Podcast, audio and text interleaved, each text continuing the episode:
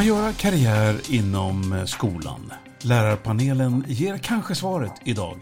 Vill du läsa till lärare fast på ett lite annorlunda vis? Teach for Sweden kan vara alternativet.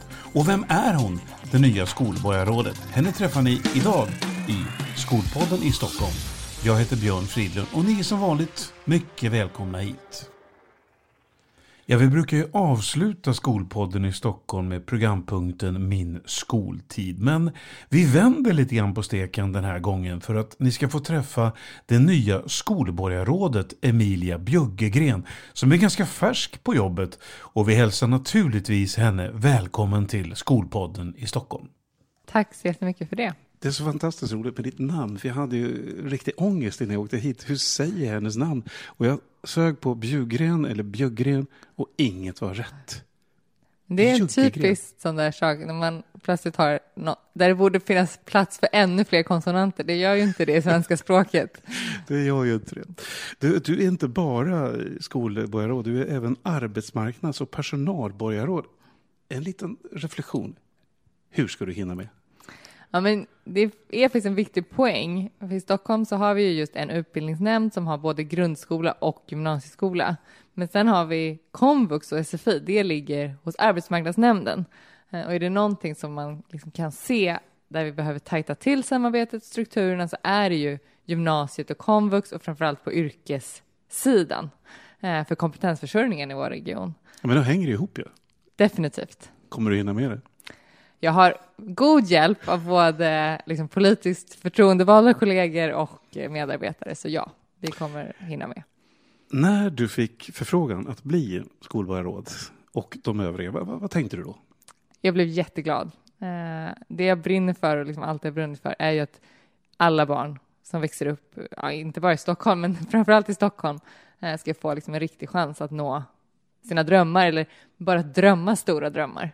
Och då är ju skolan kanske den liksom viktigaste arenan man kan hålla på med för att ge alla barn den chansen. Så att, eh, jag blev jätteglad, men också väldigt ödmjuk inför att det är ett liksom väldigt tungt och stort uppdrag att försöka se till att ytterligare några fler barn faktiskt klarar sig genom skolan.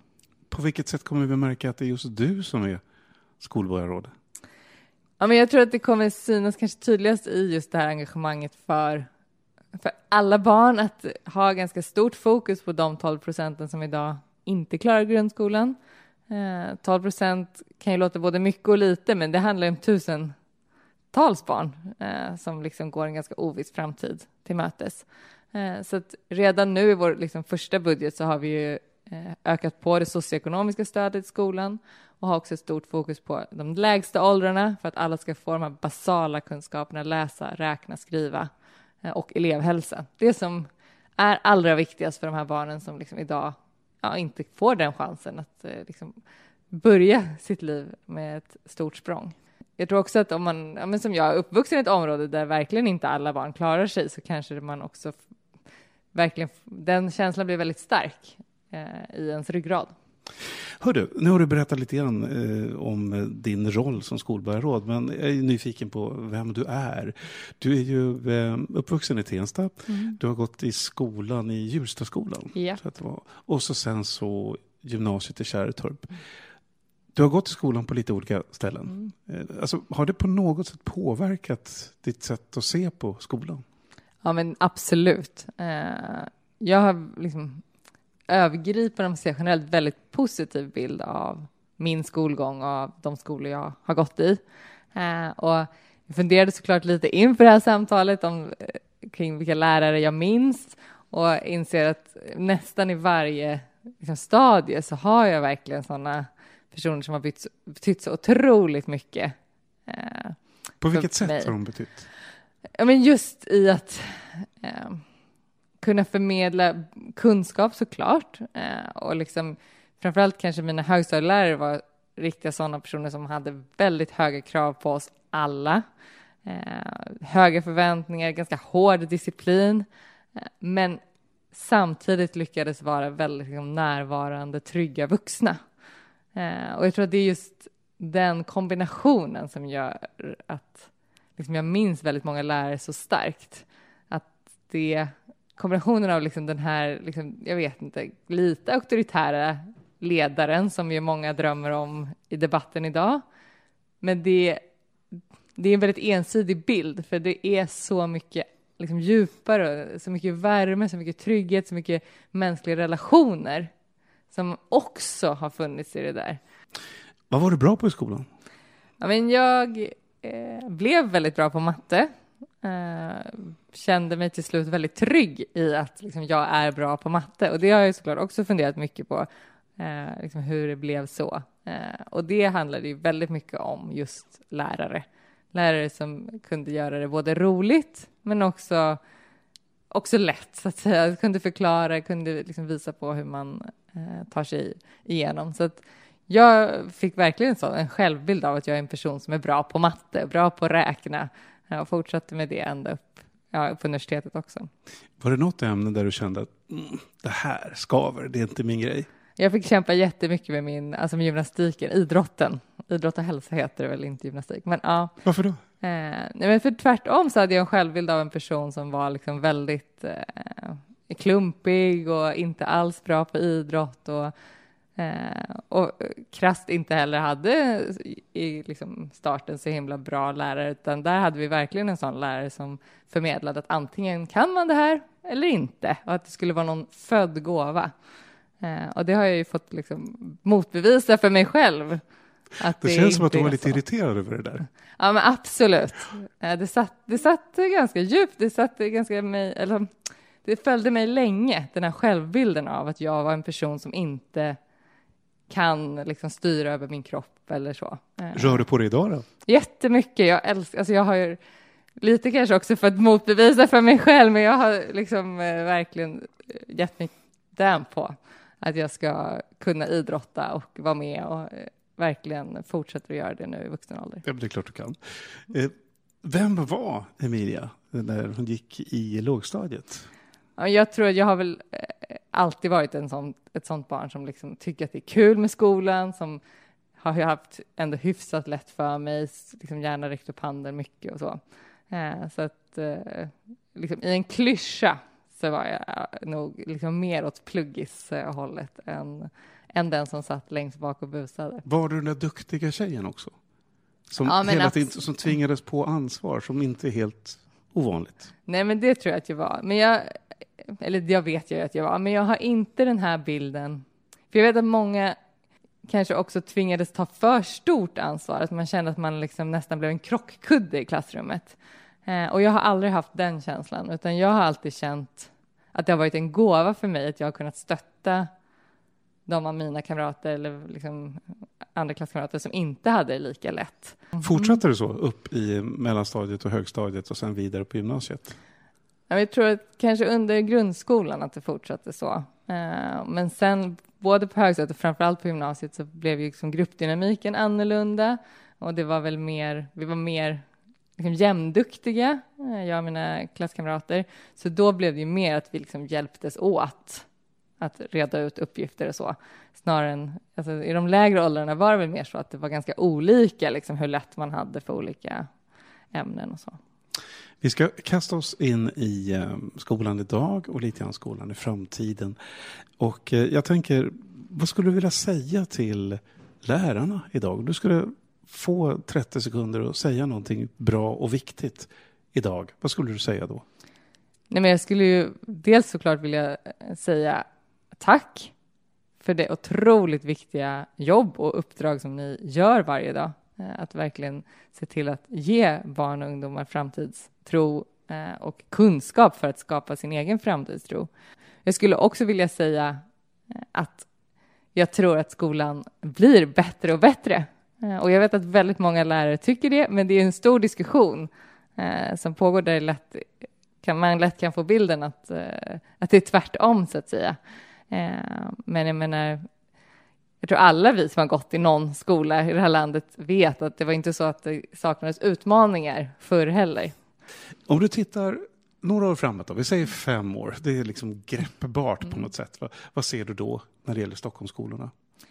Ja, men dels så har man ju verkligen de här stora strukturella problemen som man skulle vilja eh, göra något åt. Alltså om jag tänker då på fri etablering, lika skolpeng oavsett ansvar, eh, vinstuttagen i skolan som gör att man liksom har marknadsföring som handlar om helt andra saker än behöriga lärare och riktig kunskap och så. Eh, det, om fem år har det ändå varit ett tillval, så då hoppas jag att någonting har hänt. Eh, men om man liksom ändå tänker att man jobbar där man står, så att säga, eh, så hoppas ju jag att vi har ändå sett till att den här andelen som inte klarar grundskolan har blivit något färre. Eh, att vi gör det genom att se till att det liksom där det behövs finns resurser för att ha något fler lärare i klassrummen, eh, att man har en liksom tillräcklig och närvarande elevhälsa som kan stötta de barn som mår dåligt eller som har särskilda behov. Eh, men också att vi har en ännu mer sammanhållen skola för det vet man ju också, det pekar också lärare och rektorer ofta på när jag är på skolbesök, att så här, ja, men eleverna måste också ha någonstans att ta vägen efter skoldagen. Eh, fritidsklubben är jätteviktig, att det finns någonstans att vara få mellis, eh, men också för de lite äldre barnen, att ha någonstans att vara när skoldagen tar slut. Så att, eh, jag tror att, ja, där tror jag också att vi har tagit ett litet steg nu och sänkt avgifterna till fritidsklubbarna, men vi vet också att nästa steg måste ju vara att fokusera på att det också ska liksom vara kul att vara på fritidsklubben. Tack så jättemycket Emilia Bjuggegren för att vi fick ha dig som gäst i Skolpodden i Stockholm. Fantastiskt trevligt samtal. Tack ska du ha. Tack själv. Ja, nu har vi kommit en bit in i säsongen av Skolpodden i Stockholm och eh, lärarpanelen som ju i år består av eh, Anna Bergqvist från Blackebergs gymnasium. Mm. Sen har vi naturligtvis då Jimmy Jansson från Rågsved, skolan, grundskolan i Rågsved. Ni är såklart lika välkomna den här gången som alla andra gånger. Tack, tack. tack, tack.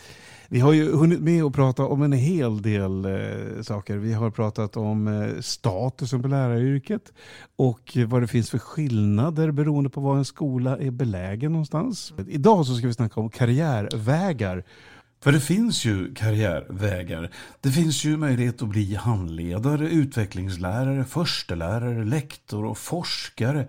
Och du kan ju också vara handledare till lärarstudenter. Men det finns också någonting som heter från lärare till ledare. Så det finns absolut vägar att gå karriärvägar. Men det krävs också en del för att eh, kunna bli till exempel förstelärare. Och för att få en tjänst som förstelärare så krävs det både nationella krav och särskilda faktiskt för Stockholms stad. Och ett minimikrav ja, det är att du har en eh, lärarlegitimation och att du då kan dokumentera att du har genomfört faktiskt minst fyra år av så kallad väl vitsordad undervisning från en eller flera anställningar. Så det är inte bara att promenera in och förvänta sig en eh, förstelärartjänst. Och om det kommer lärarpanelen att prata en del om. Men eh, visst finns karriärvägarna. Här är Jimmy Jansson.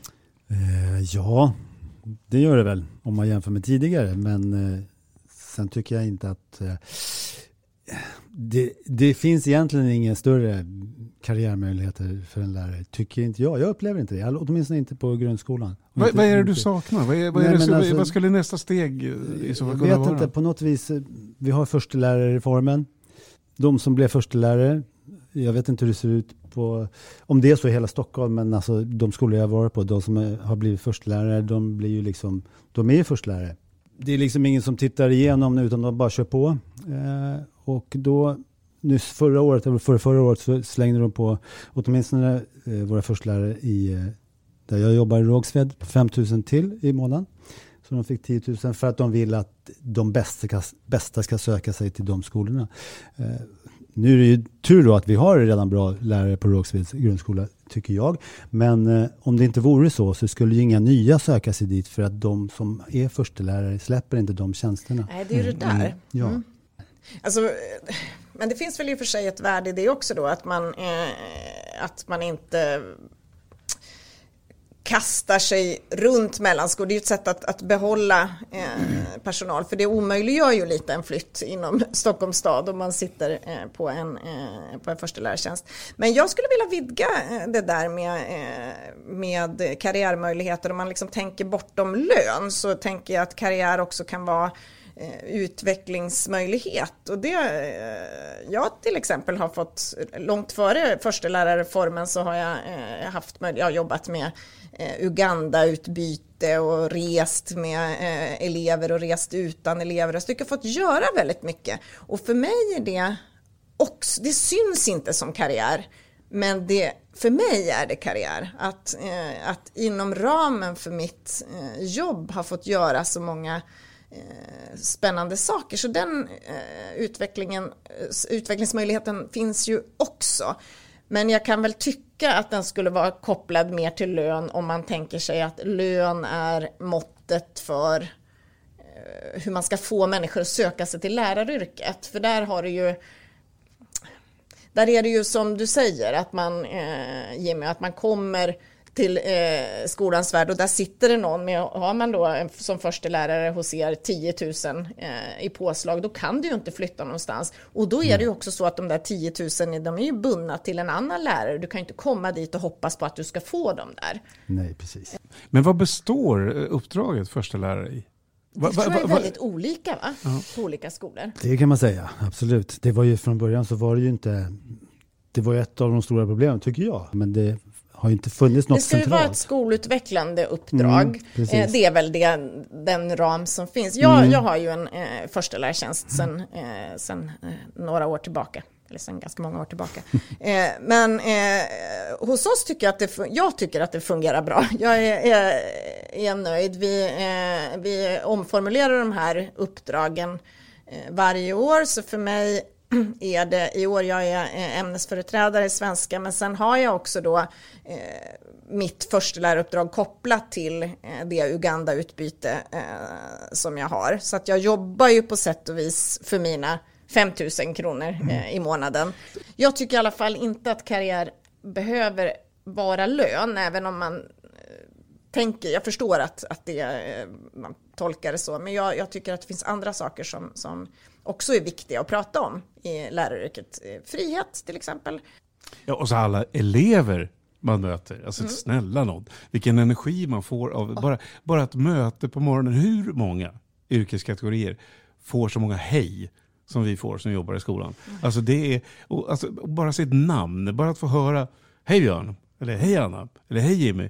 Alltså hur många får uppleva det? Och du får höra det flera hundra gånger om dagen. Mm. Och det, alltså, snacka om att fylla på energi. Ja, och man kan få höra av elever tio år efteråt mm. och veta att det betydde något. För ja, precis. Också. Helt underbart. Ja, det är underbart. Mm. Oh, Gud. Man blir nästan lite rörd när man rundar av det på det sättet. oh. Hörrni, vi hörs snart igen. För nästa gång så ska vi snacka om någonting som eh, jag har hört viskas stör dig något så till den milda grad, Anna. Så vi ska prata om mentorskap. Hej då! Nu blir jag med jobbet.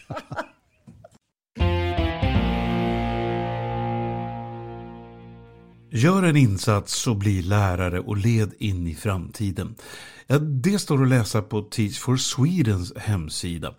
Och de erbjuder akademiker att under en tvåårsperiod läsa in en lärarexamen samtidigt som man jobbar praktiskt på en högstadieskola.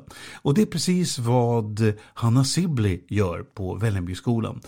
Hon har nämligen hoppat på det här programmet och eh, ska berätta lite grann om hur det är. Men ni ska först få träffa Lotta Carter som är biträdande rektor på samma skola, alltså Vällingbyskolan. Så hon berättar om hennes erfarenheter och hur hon kom i kontakt med Teach for Sweden. Ja, eh, första gången jag kom i kontakt med Teach for Sweden var på en annan skola i staden för ungefär sex sju år sedan. Och från början svor jag mest över att det var svårt med lediga fredagar. Eh, men jag märkte snabbt att det här var ju bra eh, kandidater att ha att göra med. Ja, orsaken till den milda irritationen över just fredagar det har att göra med att det är just på fredagar som lärarstudenterna faktiskt gör det de ska göra parallellt, det vill säga studera. Men hur går då själva rekryteringen till? Här är Lotta Carter igen. Eh, ja, men dels är det ju en gedigen rekryteringsprocess. Eh, man har ju skådats både innan och utan. Eh, så att vänder man sig till Teach for Sweden så vet man ju att den kandidaten både vill och kan ta klivet in i lärarvärlden. Blir det som ett kvalitetsfilter på något sätt? Ja, det skulle jag verkligen vilja säga. Hanna, som ju är just en lärare som kommer därifrån. Hur, hur kommer det sig att du kom i kontakt med Teach for Sweden och, och vad har du gjort innan du valde just den vägen? Ja, jag kom, jag kom i kontakt med eh, Teach for Sweden genom en kollega som visste att jag eh, sådär var lite intresserad av att prova på läraryrket och sa men det här, det här kanske är något för dig Hanna som du ska söka. Så då ansökte jag Först fick man skriva lite om sig själv och så fick man komma på en urvalsdag. Och sen så fick man göra lite mer tester och sen så var det ytterligare en urvalsdag. Eh, sen fick man besked någon gång under våren och sen började utbildningen i, eh, under sommaren. Och började, det började med ett sommarinstitut. Så man åker alla Teach for Sweden-medlemmar eh, då, som är den kohorten, möts på ett sommarinstitut som är två veckor långt. Eh, så det var lite grann att vara på kollo, fast man var vuxen. Eh, jättespännande, jättefantastiskt att möta så många olika typer av människor som alla ville bli lärare. Men alltså kändes det naturligt när du tog steget att ja, men det här var rätt? Nej, men det vet man ju inte. För att eh, läraryrket är ju ett väldigt speciellt yrke och skolan är en väldigt speciell skol, alltså arbetsplats, en väldigt speciell arbetsplats. Så att även om man har jobbat på andra delar i näringslivet tidigare så är ju skolan någonting väldigt annorlunda. Så det vet man inte riktigt när man hoppar på. Utbildningen i eh, Teach for Swedens regi, ja, den går ju till på ett lite annorlunda sätt. Men hur skiljer den sig egentligen från traditionell utbildning? Lotta Carter, biträdande rektor på Vällingbyskolan, förklarar. Ja, nej men nu finns det ju många vägar att bli lärare. Eh, och lärarutbildningen, den vanliga formella, det, det, ibland kan den kännas eh, som väldigt eh, ja, men teoretisk och inte så vardagsnära. Och det är väl det jag tycker är det bästa med Teach for Sweden, att det är man jobbar och pluggar samtidigt, så det man lär sig, det är verkligen aktuellt. Det är hantverket. Och jag kan, jag, efter bara drygt en termin så känns ju Hanna som en, en riktig lärare. Eh, och det kanske man inte gör om man går en annan väg. Har du andra förväntningar på en, eh, en eh, vad vi ska kalla för en traditionellt utexaminerad lärare kontra en student via Teach for Sweden som Hanna är? Ja, de blir ju, mina erfarenheter av Teach for Sweden gör ju att det är lite högre förväntningar. Och hittills har jag väl träffat och haft att göra med tre, så har jag inte blivit besviken. Eh, vilken roll har Teach for Sweden under förloppet? Så att säga? För här får ju du en stor roll, men Teach for Sweden, vad, vad, vad gör de under hela den här processen? Vi har kontakt i, början i, i, vid rekryteringen. Eh, de presenterar ju kandidater och gör någon slags matchning. Eh. Ja, men Teach for Sweden kommer absolut ut eh, och tittar på lektionerna. Så vi har lektionsobservationer där de kommer ut. Och då får vi väldigt mycket feedback. Det är ju ett faktum som vi inte kommer runt i att eh, det kommer att saknas oerhörda mängder lärare framöver. Så att det här är ju onekligen ett alternativ. Är det någonting du verkligen rekommenderar att man ska försöka gå den vägen att bli lärare? Ja, absolut. Vill man bli lärare och man har tillräckligt mycket högskolepoäng för att man ska täcka den ämnesspecifika delen, då är ju Teach for Sweden perfekt. Då har ni fått en eh, aptitretare vad det gäller Teach for Sweden. Så att eh, går ni och funderar över att byta karriär så är Teach for Sweden ett alternativ. Rösterna som ni hörde, det var Lotta Carter som är biträdande rektor på Vällingbyskolan. Och sist hörde ni Hanna Sibley som är en student som har kommit just till Vällingbyskolan via Teach for Sweden. Tack så jättemycket för att ni var med. Tackar.